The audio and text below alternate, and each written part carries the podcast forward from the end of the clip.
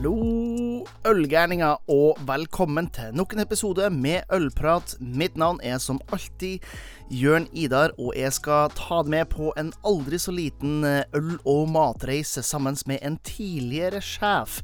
En av de første i Norge til å promotere øl og mat sammen. Han har vært eh, bl.a. på Le Canard, på Stadholdergården. Han har vært daglig leder på Rør, på eh, hytta, og eh, i dag eh, mannen bak kranene på Barflag, nemlig André Lloyd. Før vi setter i gang med den episoden, må jeg jo bare som alltid si tusen takk til alle de lojale patrions som henger med på det her eh, øltoget og støtter podkasten med et par eh, kroner hver måned. Så hvis du liker det du hører og har lyst til å støtte opp om uh, denne ølmisjoneringa jeg holder på med, så kan du jo sjekke ut patrion.com slash ollprat. Nå er det nok snakking. Det er på tide å fylle kaffekoppen, eventuelt glasset, med noe høyt skummende, og lene det tilbake for denne episoden av Ølprat.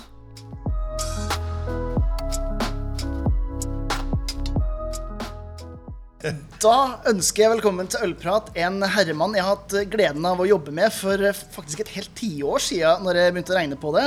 Men uh, han her, han uh, har faktisk starta sin karriere i restaurantbransjen sju måneder før jeg eksisterte. Så vi kan se fram til et par fantastisk gode historier, tror jeg, når vi i dag skal snakke med barsjef her på Barflag, nemlig André Lloyd. Så hyggelig at du vil ta en liten ølprat med meg. Takk skal du ha, Jørn Idar. Ja. Det, det, du har vært i bransjen en liten stund.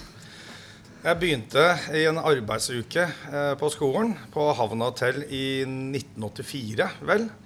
Og hjalp mamma og sånn med å gjøre sånn ymse ting på hotellet. I 1985 så starta jeg eh, å jobbe i helgene. Det var det året jeg ble 14 år. Da jobba jeg i bar. Så det var ganske tidlig. Det er ganske tidlig. Ja. Jeg bruker jo, jeg bruker jo skryte på med at uh, jeg blanda min første gin og tonic når jeg var åtte år, i et bryllup. Men det var jo et, et, lukka lag på en uh, ungdomslagshytte. Mens du har faktisk jobba og, og, solgt det, da. Jeg jobba, og jobben min var som ryddegutt. Og en av de første beskjedene jeg fikk som ryddegutt, var Hans Bråten sa, han var barsjef, sier til meg at ser du noen fikle med et målebeger, så må du gi oss beskjed i baren. For da var skjenkekontrollen ute for å sjekke om det var fire centimeter i den konjakken, f.eks. Så det var mye av jobben min. å Bare å spionere rundt og eh, gi eh, barsjefen og bartenderne kaffe uten, eller før de visste at de ville ha kaffe. Fylle opp med is.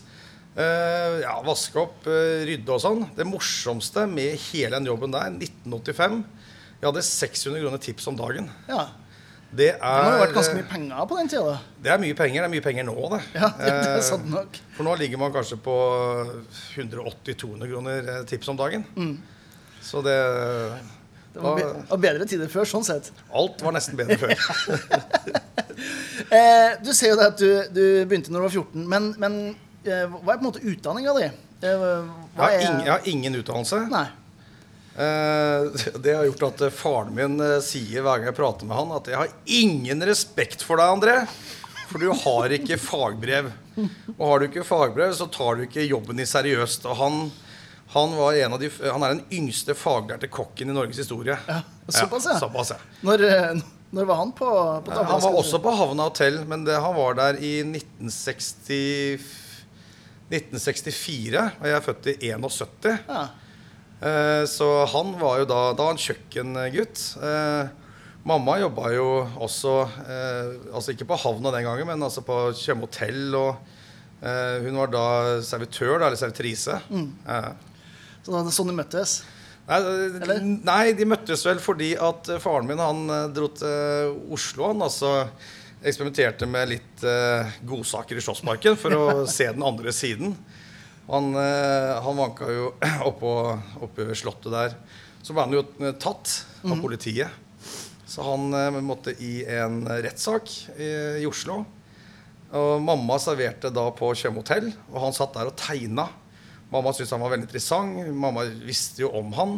Han var liten, rødhåra.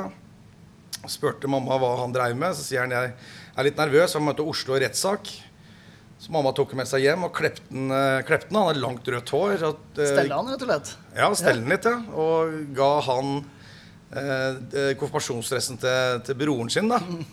Så han kunne møte opp i Oslo eh, tingrett. Der ble han frikjent da, eh, av den ene grunnen at han var den eneste av de som ble fakka, som hadde jobb. Da jobba Ja, han ok. på Aker Brygge. Ja, okay. Så han, ble, han, fikk, han slapp å sitte inne da pga. det. Så det er, eh, Men altså tilbake til utdannelse. Jeg har ingen utdannelse. Jeg begynte veldig tidlig med å jobbe. Eh, tok det veldig lett. Eh, lærte å lese, lese spillet veldig fort. Da, så jeg kunne på en måte visste hva folk ville ha før de ville ha det selv. Eh, og så har det bare gått i slag i slag. Og utdannelsen min har egentlig bare vært å jobbe med de beste folka i Norge. Eh, hele tida. Så det er de som på en måte har lært meg hvordan ting funker. Mm. Og det er eh, Jeg var med europamestere, verdensmestere. Jeg var med mange av de som har vunnet Bocuse d'Or. Eh, de som har eh, vunnet NM i, eh, NM i sommelier osv. Eh, og så bare fantastiske mennesker som har vært veldig flinke til å jobbe. Da. Og det er alt mulig fra oppvaskhjelper som har system på hvordan de jobber, så at de ikke sliter seg ut. Eh, ja. Ja, for, for det er jo, en- du er jo eh, en av de her som det er altfor få av i Norge, syns jeg. Altså noen som, som varer i denne restaurantbransjen i altså, til og med passert 30, for det er det veldig få som gjør. Eh, du har jo eh, ekstremt mye erfaring. Jeg så over, du sendte med CV-en din. Det var litt Ja. morsomt, å, morsomt å få se litt sånn innblikk i historien. Jeg telte 21 steder som du har vært eh, på siden du starta. Ja. Eh, en, en lang, lang reise. Og jeg tenker i hvert fall mm, For min del da, som, som kokk, så er det jo et, et par på den lista som jeg ser spesielt. Det er jo Le Canard, eh, La Provence og Stadholdegården, som Ja. jo er tre sånne uh, bautaer, tør jeg Ja. påstå, i, i hvert fall i matbransjen. Hva er noen av de, de tingene du har tatt med deg fra en Rett og slett en feinschmecker-siden altså fine dining fra restaurantbransjen. Ja, nei, altså Det første La Provence, eh, lå i Industrigata. Like ved eh, Oslo Mikerbryggeri. Eh, der måtte du ringe på, eh, på ringeklokke, og så måtte jeg komme ned og så måtte jeg låse deg inn.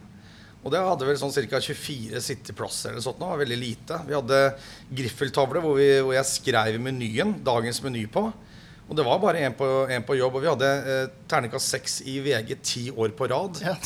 Eh, jobba med ei jente Hun som eide, var Gisela. Hun jobba på Feinschmecker. Eh, fantastisk jente. Eh, veldig pirkete. Eh, ingenting var tilfeldig. Hun så hadde utro, altså var det utrolig dyktig kokke på kjøkkenet. Som hadde jobba med de gamle kokkene hvor de hadde fått uh, juling og, og sånn. Så var, eh, de hadde de hadde kontroll på det de gjorde. De gjorde ikke noe feil. Lærte at uh, telle bevegelser, uh, hvordan du pra pratet, hvordan du la opp kvelden og sånt, for du var aleine. Uh, Le Carnar det, var, det er vel det beste stedet jeg jobba på blant de stjernestedene, vel. Der jobba vi Vi var ikke så mange, det var rett før finanskrisa. Men der hadde jeg utrolig dyktige folk eh, rundt meg eh, som hjalp meg med på å lykkes. da, det første på mitt første stjernested. Man sier jo det at man skal, det første året så skal du lære deg plassen, og andre året skal du være med og gjøre det bedre. For du skal, Hver dag skal være bedre. Og på Løkkarnal så starta vi dagene eh, på nytt hver dag. Altså du, eh, I kontrakten sto det at du, eh, skulle, du fikk lov til å komme inn en halvtime før du skulle på jobb for å gå opp i garderoben. Det var felles garderobe, så da alle kledde av seg, gutter og jenter. Du henta nystrøken skjorte som noen eh, gjorde for deg. Eh, tok på deg dressen, gikk ned eh, på kjøkkenet, og så leste du opp på tavla hva dagens meny var. Da hadde vi en niretter, en femretter og en treretter. Treretteren var satt. Det var teatermenyen. Den skulle gå raskt og kjapt. Og den var ganske av det samme. Men niretteren og femretteren den var ny nesten hver dag. Og det måtte vi memorere. For når du ga gjestene menyen, så sto det ikke hva det var for noe. Den niretteren og femretteren. Nei, ok. À la carten, den sto der. Den forandra man seg kanskje annenhver uke eller sånt. Det å lese det, og så får du beskjed om at ok, du har stasjon to, eh, de kommer eh, klokka seks. Så måtte du stå klar i døra, ta dem imot, vise dem til bordet, gi dem kartet, og så måtte du ramse opp hele menyen fra minnet som du leste for fem minutter siden. Eh, og hvis ikke du klarte det, eller at du ble litt stressa, så Du jobba ikke der så lenge da. Eh, du måtte ha kontroll. Men det teamet som var der, eh, kokketeamet, Trond Andresen var kjøkkensjef der, og Veronica Bøkfors Lystad var eh, restaurantsjef, og hovmester Jessica det var, det var jævla gøy. Vi hadde hele finanseliten. Vi hadde, var, de kjøpte viner til 40 000 kroner. Ja, Det var helt konge, altså. Men hva, eh, eh når, du, når, du, går for et sånt klientell da, som, som vankerte på steder som det, da, eh, får man litt sånn prestasjonsangst? da? Hører du liksom stemmen til far din som sier at du kjører fagbrev? det er jo, det, er jo drivkraft, det. Altså, det beste jeg kan høre, er at uh, det der klarer du ikke. Eller det, det, det går ikke. Uh, nei, det er, nei, det, det er det beste som fins. Mm. Nei, det jeg var mest redd for, det var å, å drite meg ut overfor de jeg jobba sammen med. Mm. Fordi eh, nivået var så, var så høyt. Du, Dan Lystad som var eh, sommelier der. Tor Sørensen var jo head sommelier, da. Eh, Dan, Dan Lystad driver og vinner liksom tredje NM eh, på rad, liksom. Eh, bare nerder. Mm. Eh, og, og, bare, og, lytte til han, eh, måten han snakker på, hvordan han lukter seg fram til ting. Eh, du har ikke så dumme deg ut foran det.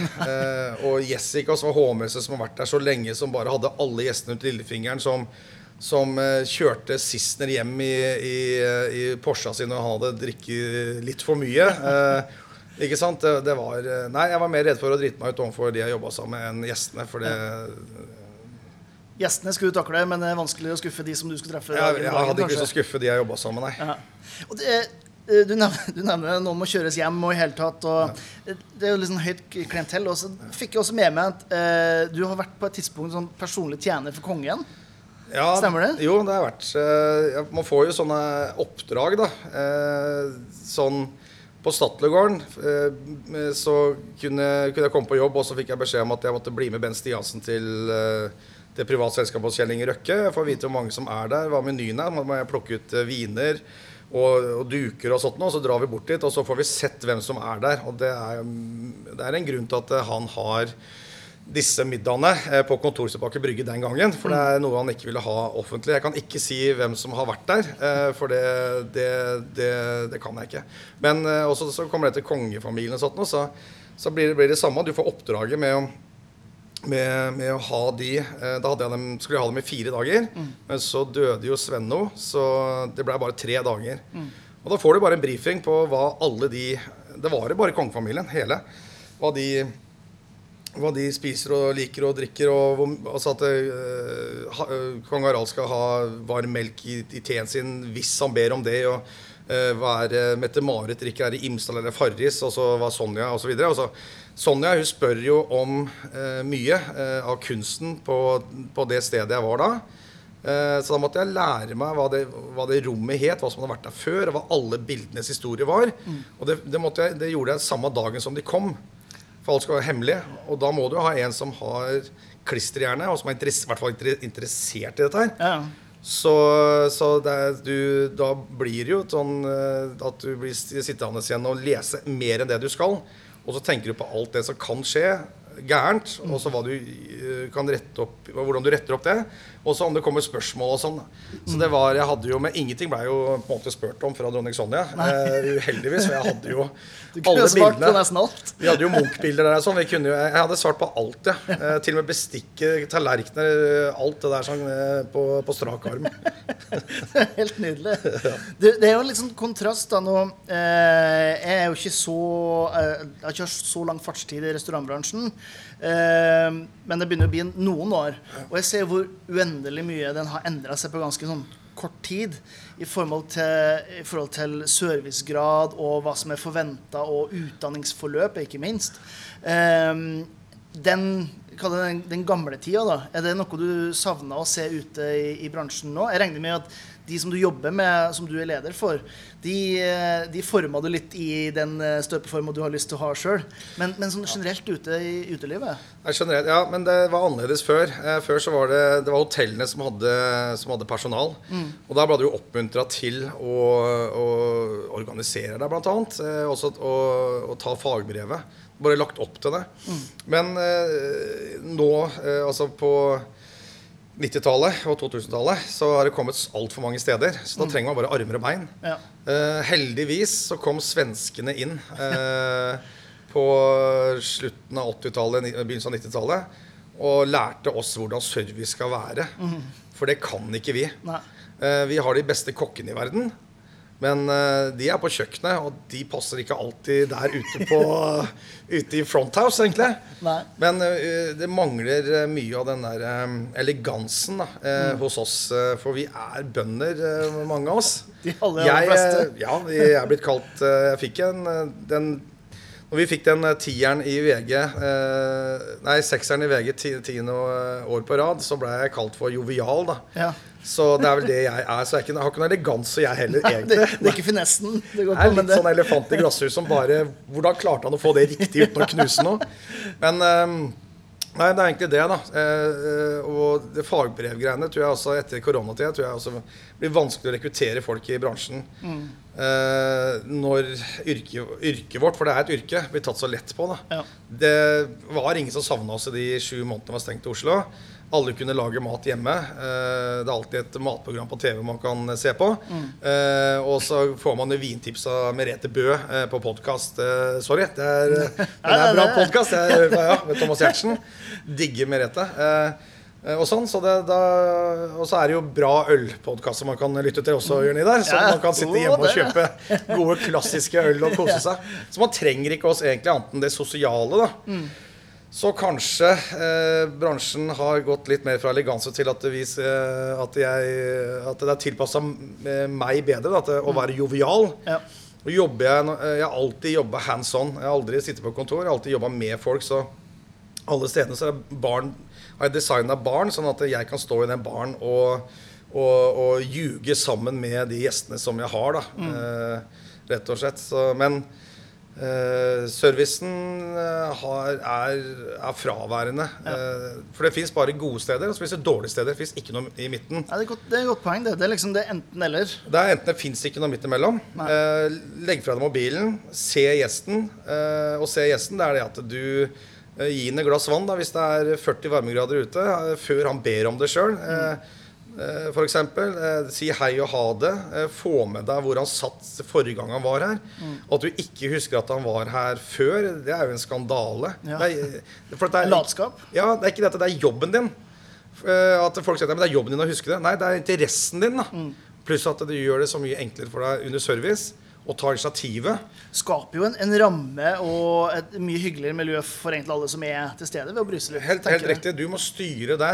Ikke sant? Det er du som er uh, sirkusdirektøren. da For dette, det er jo sirkus, dette her. sånn det er, Det er. Vi er det siste cowboyyrket.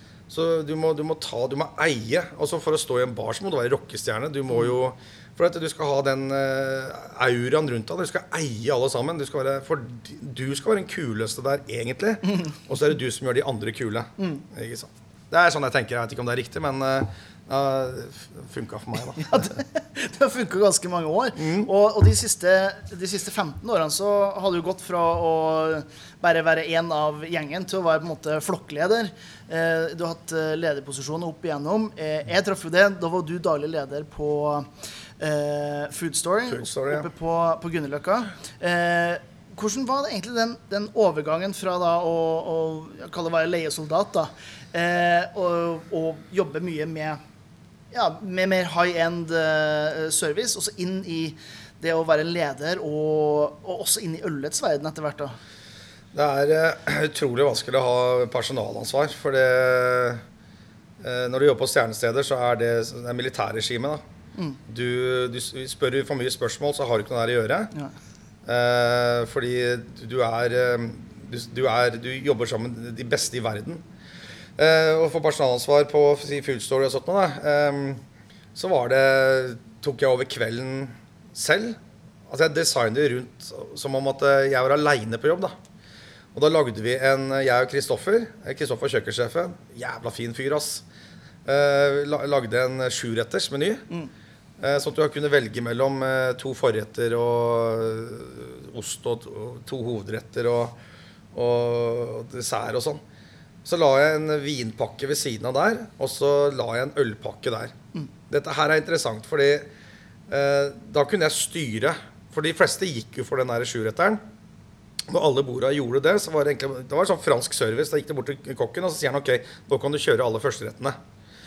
Eh, det andre interessante, for at da styrer du det. Da går det enkelt, da kan jeg jobbe aleine. Eh, og, og det andre var at jeg hadde den øl, ølmenyen da, ved siden av maten.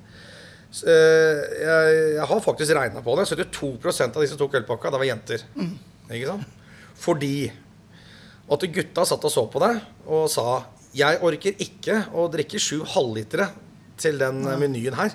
Men jentene syntes det var veldig mors morsomme navn, så de gikk for det. Gutta gikk for vin.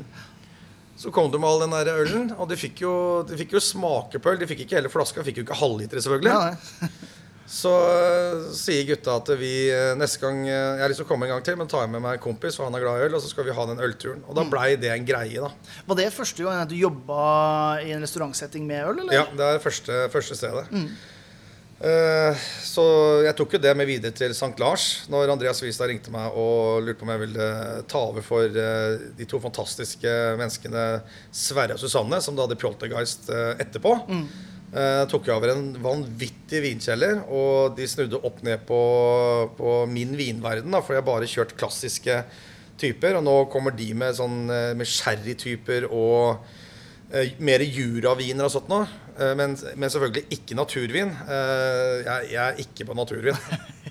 Men, eh, da, ja, så, men da, da kjørte jeg det samme der. Eh, tok inn veldig masse øl.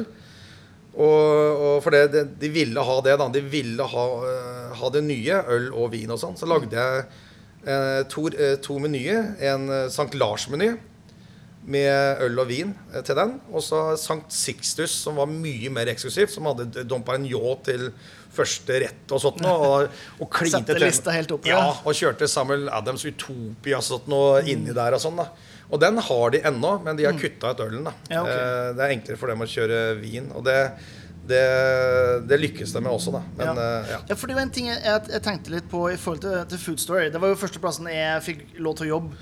Ja, Du spurte om vi ikke kunne jobbe gratis der, ja. Jo, ja, jeg gjorde det. Stemmer det. Eh, og det var jo akkurat pga. dette her med, med øl og mat. Eh, jeg, jeg har begynt mer og mer Jo mer jeg tenker på det, så satt det her med øl- og matinteressen Det kommer fra én opplevelse. Det er jo ikke det.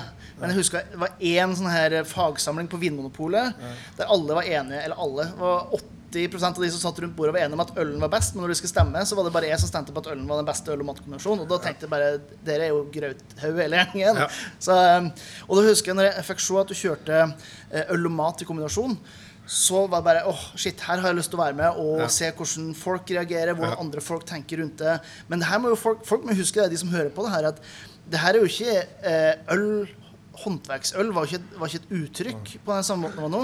Jeg husker vi åpna jo håndbryggerienølen til slutt inni eh, vaskemaskinen på kjøkkenet, i tilfelle det kom sprutende ut av, eh, av flaskene. Um, men det viser jo med en gang du var borte fra, fra det, så forsvant det. Ja. Uh, samme på St. Lars. Ja. Um, hvorfor tror du at, at det her med, med, med øl på steder som i utgangspunktet ikke er en bar eller ølsteder, hvorfor er det noe som ikke blir hengende igjen, men som er så personavhengig, sånn som i tilfellene eh, som jeg nevner? Det er eh, altså eh, de, som, de, som, de fantastiske menneskene som dykker inn i vinverden, de er der. Eh, på alle disse stjernestedene, de, de, eller de gode stedene jeg jobber på på restauranter, så har det vært på på, hva var det for noe? på Løkkernas hadde vi Carlsberg og Ringnes hadde vi på Stadlergården. Det ble ikke tatt seriøst. da, i det hele tatt. Og det ble ikke bestilt heller av gjestene. Men eh, så sommelierene har nok å tenke på enn at de også skal liksom begynne å tenke på øl. Ja. Um, og når du går ut uh, og spiser en bedre middag, så hører vin med. For det, det er som å drikke champagne på, på 17. mai. Om du liker eller ikke. Det er bare noe man gjør. Ja. Man skal feire. Det er en feiring, da. Det er en slags sånn kultur. Ja, must, et must. Det er litt det der, ikke sant. Ehm, jeg, eh, jeg har veldig lyst til å starte en restaurant som har vin og øl igjen, altså. Eh, for jeg, eh, nå, nå er det marked for det. For nå Jeg brukte jo ti år på å forklare folk hvordan du uttalte Pale Ale, f.eks., eller eh, og sånn.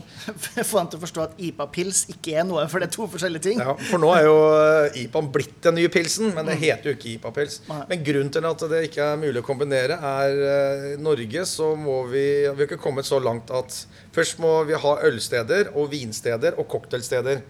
Vi kan ikke ha det samme. Nei. Setter opp én TV i en bar, så er det plutselig sportsbar. Ja. For det, det tar litt lengre tid for oss. Eh, og ja, ølsommelierne I tillegg, så hvor skal du få den erfaringen ifra, da? Når 99,9% av alle puber i, i Norge er eid av et eller annet industribryggeri. Eh, eh, vi er veldig få craft beer-steder som, kan- som kan sette på en keycag eller en eh, pubkeg eh, fra eh, hvor vi vil, da. Så det er egentlig kompetansen, og så er det litt interessen, da. Jeg har sett at folk har prøvd, men de møter motstand. Jeg husker når jeg begynte med øl eh, Altså, jeg sa på Facebook i 20, 26 Jeg satte på den første Jeg solgte den første punk-ipaen. Eh, jeg solgte den på mandagen. Uh, Jekyll and Hyde eh, solgte den på torsdagen. Ja. Fantastiske Martin Tønder Schmidt, som, sa, som lærte meg å drikke øl fra glass. Dette her serverte jeg på eh, Champagneria i, i 2000 og, Nei, fader, det kan være 2007-2008, rundt der. Eh, men da, da sa jeg til fader eh, øl, altså. Og da sa disse vinvennene mine som skriver i, i avisen at eh, pff, det der er bare blaff. Det er, eh, det er bare en blaff, da. Og så sier jeg at nei, øl er den nye vinen, sa jeg. Så jeg skal claime at jeg var den første som sa det. Eh, Jeg skulle ha tatovert det et sted på kroppen. eh, Bare, bare for å Bare, ja. få det skriftlig. Ja. Så en gang i året så skriver jeg eh, på Facebook at eh, pff, øl er bare en blaff. Ja. Og vi holder på ennå, liksom. Og det, vi har ikke nådd taket engang. Nei. Så det er grunnen til at, uh, at det ikke kommer noe særlig øl inn på de gode restaurantene. For det er jo bare en blaff. Ja, ja. Det, det forsvinner snart. Ja, det bare Og så går jo til, som du nevner, til, til St. Lars. Ja. Du eh, drar en liten tur tilbake til Grünerløkka. Da dro jeg tilbake til Grünerløkka. Eh, Jeg skulle hjelpe eh, Jeg hadde et favorittsted på Grünerløkka. Eh, Det er Glød. Eh, Anders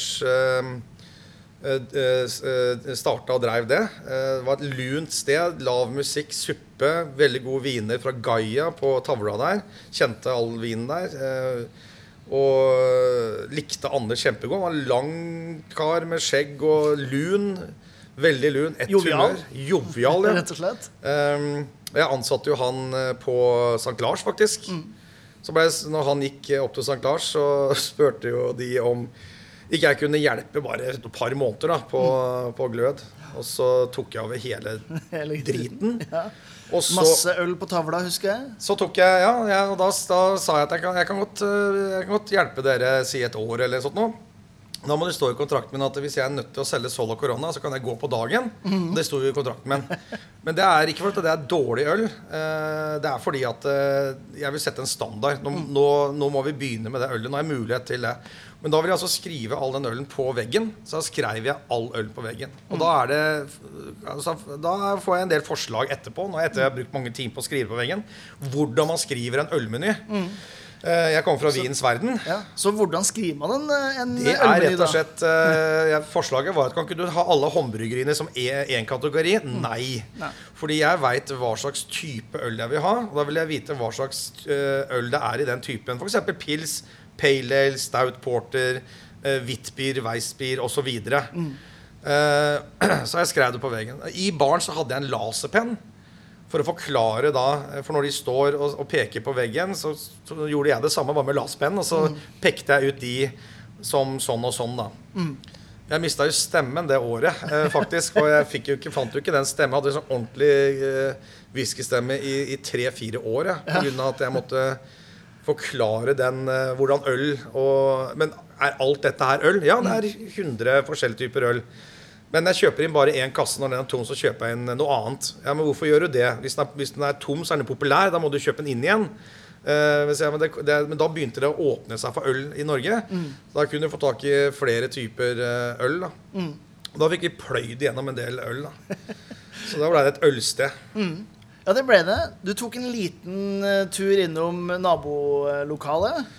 Eh, jeg vet ikke hvor, mye- hvor mye skal vi si om det. Det ble jo litt sånn her hallais rundt, eh, Det rundt var jo et, blant de ja, det er et legendarisk sted som het Sangam. Eh, Så var det så nedslitt. Eh, eierne som hadde drevet det, de, de hadde ikke stått i baren der på mange år. Så da, da hadde liksom baren mista litt den der, kontakten med gjestene og sånn. For da var det andre som tok over, og det var ikke så vellykka. Så var det slitent. Ja. Så, men ingen turte å jobbe der de to siste månedene eh, før de skulle legges ned. For det stedet var veldig innarbeida. Så jeg tok den jobben. da, å stå der og, Men så økte vi omsetninga. For omsetninga var jo på vei ned, så jeg økte omsetninga på de to månedene. Og da sier de at eh, André, jeg tror vi eh, lar være å bygge det om, jeg. Eh, og så lar vi det være så sånn her, for at du har jo nesten doble omsetninga. Eh, så lo dem, og så reiv vi det. Og så, og så bygde vi om til hytta. da. Ja. Hytta bar. Eh, da ble jeg kalt for Sangamdreperen. da. Jeg lagde en Facebook-side der, hemmelig. Og det var ikke måte på hvor, eh, hvor ondskapsfull og jævlig jeg var. Så vi måtte jo Jeg hadde jo politieskorte fra jobben, eh, for de sto på utsida og skulle ta meg. Vi har installert skuddsikre vinduer for at de knuste ruter. Eh, Jeg fikk en voldsalarm som jeg fremdeles eh, har. Eh, og ja, vi lagde Altså, jeg gjorde det kanskje ikke bedre av at jeg, jeg fikk ølsmia til å lage en øl som het Sangamdreperen.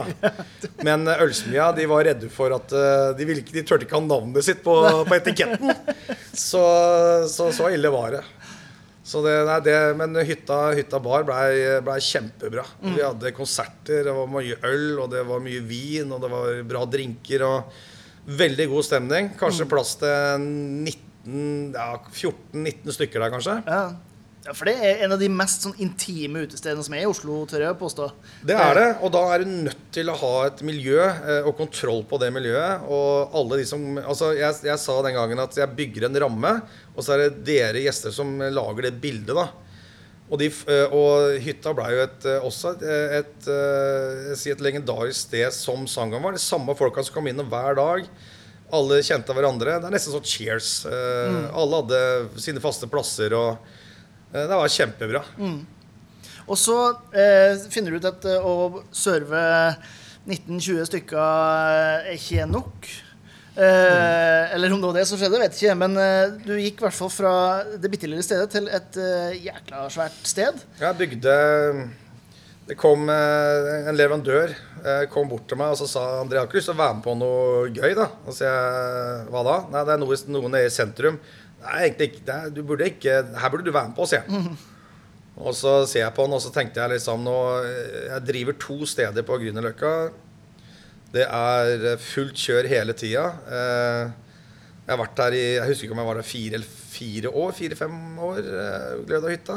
Så sa jeg bare ja. Så ble jeg med han ned og så på et sted som da var brun og blid. To etasjer. Og så ja, prata vi sammen, og så Ja. Vi gjør dette her. Så bygde vi rør. Så jeg var med fra starten. eh, Sto og reiv ned ting. Det heter rør for at alle de røra som som, eh, som vi samla sammen. Fordi når det er to etasjes eh, solarmstudio, så trenger du mye ventilasjon. Ja. Så det var masse rør eh, som lå der. Så det ble navnet Rør. Um, Og det ble jo ikke noe mindre rør etter at det ble bar heller. For det var ikke det 74, 74 øl. øl på tapp, ja. Ja. Og ender opp med, med det som har blitt nesten et livsmot. da, No crap on tap. No crap on tap, veldig viktig. Det var eh, Vi bygde et skikkelig kjølerom. Eh, iskaldt. Eh, vi rensa linjene hver gang vi bytta øl. Eh, eh, vi skulle ha Ja, det skulle ha bra øl hele veien, liksom. Ordentlig glass. Eh, alt skulle være perfekt, da. Eh, mente at, jeg mente at vi fikk til det den gang. Ja, for du, eh, du hadde litt sånn eh, Altså Nå har vi jo prata sammen i godt over en halvtime, og folk har vel skjønt at du er ikke så veldig beskjeden av det, egentlig. Og og det, en av de tingene jeg husker du sa helt i børjan, det var at eh, du hadde lyst til å være høyt oppe på, på Rate Bear eh, i Oslo. Ja. Eh, du sa vel ikke høyt oppe, du, du vil egentlig på topp, du. Nei, det er Jeg skal, jeg skal ja, være på toppen der, Ja, ja. det var det, var det du sa. Ja. Eh, og det fikk du til. Det gjorde jeg. Ja. Hva, eh, hva er det som skal til for å lykkes såpass bra? Og det, det, nå skal det også sies at det hjelper jo å ha eh, ikke bare 74 tappelinjer, men 90 tappelinjer, for du har også 16 viner på tapp. 16 viner på tapp eh, og 74 øl eh, på, på, på kran. Det kreves mye For å være veldig beskjeden, og jævlig mye kunnskap for å kunne, kunne for Det er Du må vite hva du driver med der. Men eh, å få Nei, raper er litt gammeldags. De gamle gutta bruker det. Eh, du må få Hvordan skal du få Og så er det uh, turister. turister. Så du må jo få de inn eh, på en eller annen måte. Og det, selv om det ikke er så langt eh, til, eh, til cruisebåten og sånt noe, så nei, du, må, du må være Du må bli snakka om, da. Uten å markedsføre deg for mye med å, å, å stå midt på Karl Johan med en plakat med en pil 'gå opp hit', da. Ja. Eh, eller ha flyers på vinduer. Du må få et navn, da. Ja, det, og det gjør du hvis du veit hva du driver med, og har fornøyde gjester. eh, og, eh, vi, og de fantastiske gjestene eh, som kom nesten hver dag, det er jo våre ambassadører. Så det er word of mouth. Altså, så folk kom innom, kommer innom hver dag. Eh, og så blei det bare sånn. Og det er utrolig deilig å være på toppen eh, der etter det tok, eh, et, Vi åpna 30.6.2017, og vi var på toppen i 2018. Eh, det er nydelig. Og Ja. vi var der også når jeg slutta. Men eh, jeg veit ikke åssen det ligger an nå. Nei, nei. Nei, for du er jo ikke der lenger. Og, eh, fordi eh, dere som faktisk ser på det her, og ikke bare hører på det i podkastspilleren deres, så, så sitter vi jo på en bar. Eh, for å beskrive omgivelsen så er det litt sånn eh, litt dunkel belysning, eh, levende lys, eh, to skjeggete gubber som sitter helt alene og, og deler blikk. Bamseklubben. ja, rett og slett Bamseklubben eh, på, på Barflag. Ja. Eh, hva, hva er det her? Hva, hva er Barflag? Dette er altså når jeg, når jeg, uh, Igjen da, så blei jeg jo fanga uh, mens jeg jobba på, på rør, på en måte. Av uh, Johan Golden ringte meg og spurte har ikke lyst til å hjelpe meg med Kan ikke vi ta en kaffe eller sånt da? Eller, Jeg har en greie til deg, liksom. Og møtte jeg Johan Golden. Han er hel ved. Eh, han er eh, Han er nydelig. Så jeg snakka mye med han, eh, men jeg sa at jeg ville reise litt. Så jeg har eh, jeg reiste, til, jeg reiste til Boston kun for å sitte på én bar og drikke øl. Eh, så gjorde jeg det, og så prata vi litt mer. Og så blei det nedstenginger og greier. Eh, og så skulle vi Ja, og så gikk det konkurs. Han fikk ikke noe støtte, ingenting. Men så kjøpte vi det opp igjen. Men da med eh, Bear Flag bryggeriet, som er bak Revolver og Kniven. 400 meter herfra. Med eh, herlige Dan Marius Nordhagen eh, fra Østfold. Eh, han er helt nedpå. Dritkul type. Han hadde Bear Flag med Eugenia og Matt og Ole. Også dritfine folk som kan lage godt øl. Eh, eh, tok over den plassen her, og så blir det på en måte en bryggeripub. Hvor vi skal ha noe av vårt øl, og så har vi noe gjeste, gjesteøl også fra våre venner. Så jeg har 22 å leke med. Så begynte vi å bygge dette her sånn, og så kom det, kom det en ny nedstenging. Så var det stengt i sju måneder. Så nei, så det, det er blitt omtalt som en sånn kjendisbar. Ja.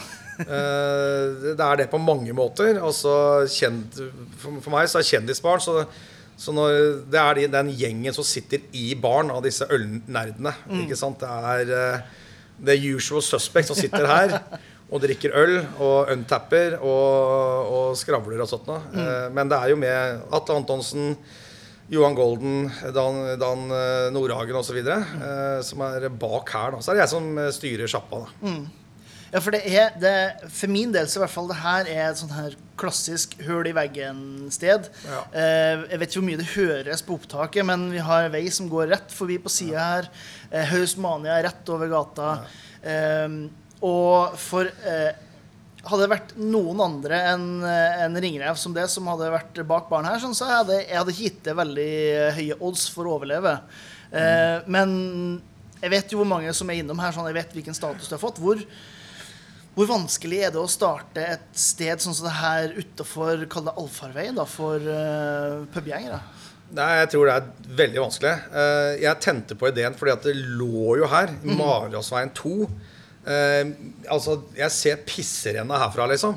Uh, Brenneriveien hvor det på søndager er masse spy og avføring opp hele gata fordi at det har vært full fest på blå. Uh, og så har- det, altså den- så har det vært uh, annet her eh, som uh, Taxi Takeaway var jo her fram til 2017. Så var det var en veldig uh, Også en litt sånn type Sangam-sted. Så jeg, nå er jeg blitt uh, Taxi. Takeaway-dødaren.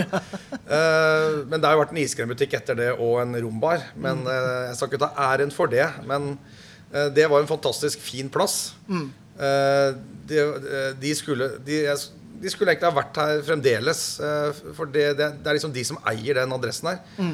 Men å få dette her til, det er rett og slett eh, de der eh, herlige folka som jeg har hatt med meg hele veien. Det er gjestene. Som, eller venner. Den eldste stamgjesten min, Kjell Kristian, han, jeg, han serverte øl i 1990 på det første stedet jeg eide i Oslo. Han var her i forgårs. Så jeg har servert han da i hva er det for noe, 31 år. Og han har altså vært med fra å drikke klassiske øltyper den gangen på Boccaccio-kjelleren som jeg dreiv, til nå tøysøl med laktose og marshmallows og sånt noe. Og han storkoser seg. Uh, så det Jeg veit ikke. Det er eh, du, du må Altså, jeg har alltid sagt uh, If you build it, he will come, etter eh, Fields of Dreams med Kevin Costner. Du må lage noe. Og så har jeg vinylspiller. Jeg spiller bare vinyl. Jeg har bare godt øl. Eh, vi, vi ler mye i baren. Du bare skaper en atmosfære, og så er det, er det så vanskelig, Jørn Idar, egentlig?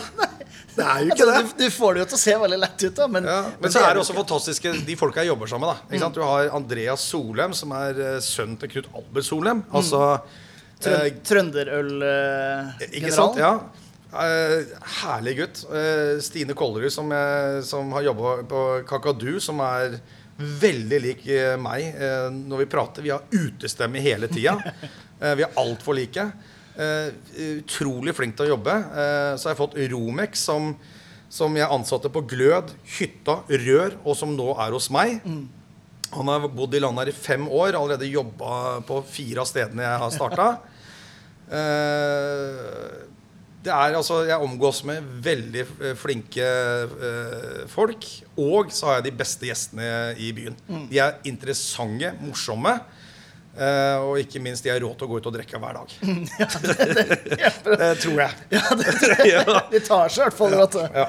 Og de får, jo, de får jo det de vil ha, er tydeligvis med En ting er jo selvfølgelig de 22 tappelinjene du har her, og eh, godt utvalg i kjøleskapet, men de får jo den stemninga og den, ja. den følelsen de får av å gå inn på et sted med en eh, fyr med langt skjegg og utestemme Utestemme. Bak barn. Du har jo vært 35 år, da, sånn raskere enn Eller faktisk 36, eh, tror jeg. 36. 36. Eh, år i, i bransjen. Du holdt på med øl i over ti år. Eh, hva, hva er det på en måte håpet for, for øl ja? Hva er det du håper å se mer av da i, i de årene som kommer, hvis man skal få lov til å se litt inn i en sånn her krystallkule? Øh, ja, nei Jeg håper det blir flere. Jeg blir, håper det blir flere mindre sånne ølbarer. Eh, fordi det trenger de som eh, importørene. Fordi vi slåss eh, Eller de må konkurrere eh, med å få solgt ølen sin til, til, til de som Til oss, da, som ikke eh, er eid eh, av en avtale med, med de store aktørene. Mm. eh, blir det flere av oss, så blir utvalget bedre. Eh, og så håper jeg at folk kan drikke ølen en gang til, og ikke bare drikke den, den ene gangen, og så ikke noe mer. Eh, prøv, å, prøv å få Prøv å eh, dra til et sted og være sosial og drikke et godt øl. Istedenfor bare sitte og, og få disse badgene og sånn. At det er det viktigste. Eh, så håper jeg på bedre, bedre service, bedre eh, temperatur på øl, uh, rene linjer, entusiasme. eh, at vi blir mer profesjonelle. Eh, for vi ligger så langt bak eh, København, selv om vi utvalgsmessig er på høyden med alle i Europa. Så gjenstår bare at vi har akkurat starta med det.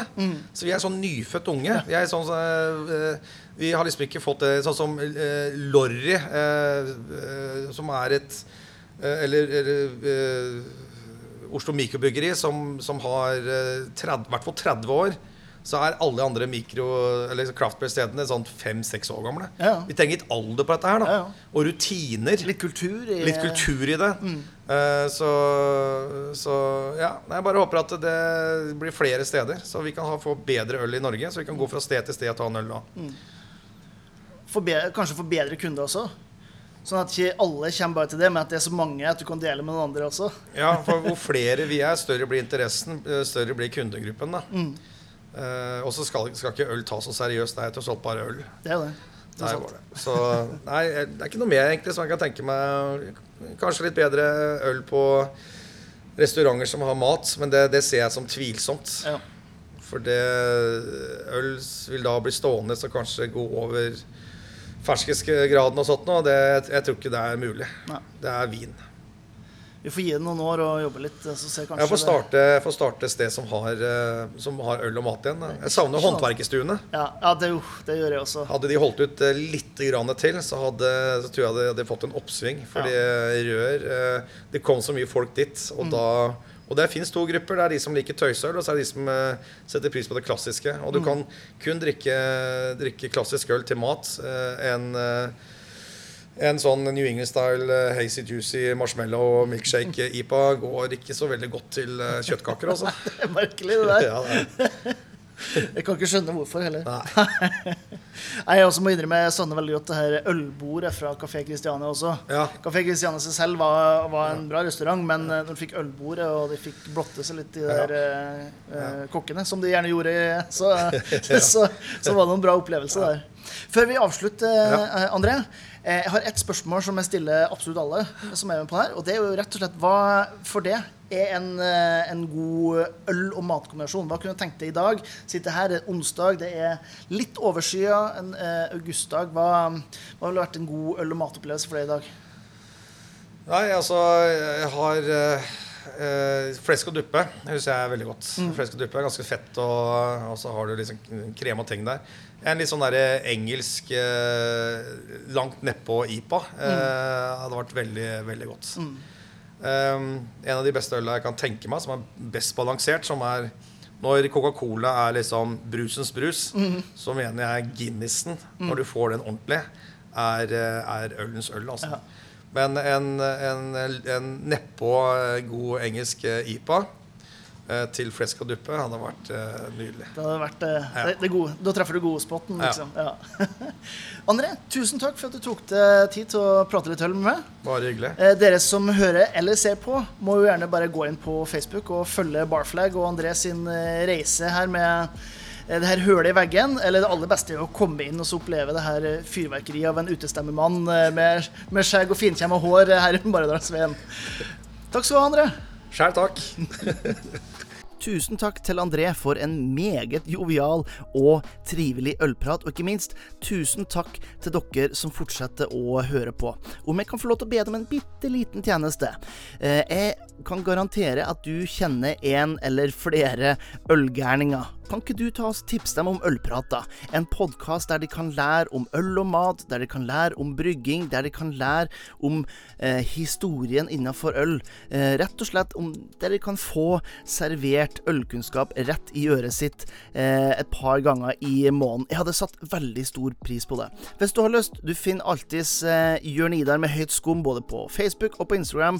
Og så kan du anbefale å sjekke ut høytskum.com. Der har jeg dundra ut et par eh, øl- og matoppskrifter, noen nye artikler fra mine eskavader i eh, sommer. Eh, og så håper jo dere har det bra, at dere har eh, noe godt i glasset. Og så får du huske til neste gang at livet, det er for kort for å drikke dårlig øl.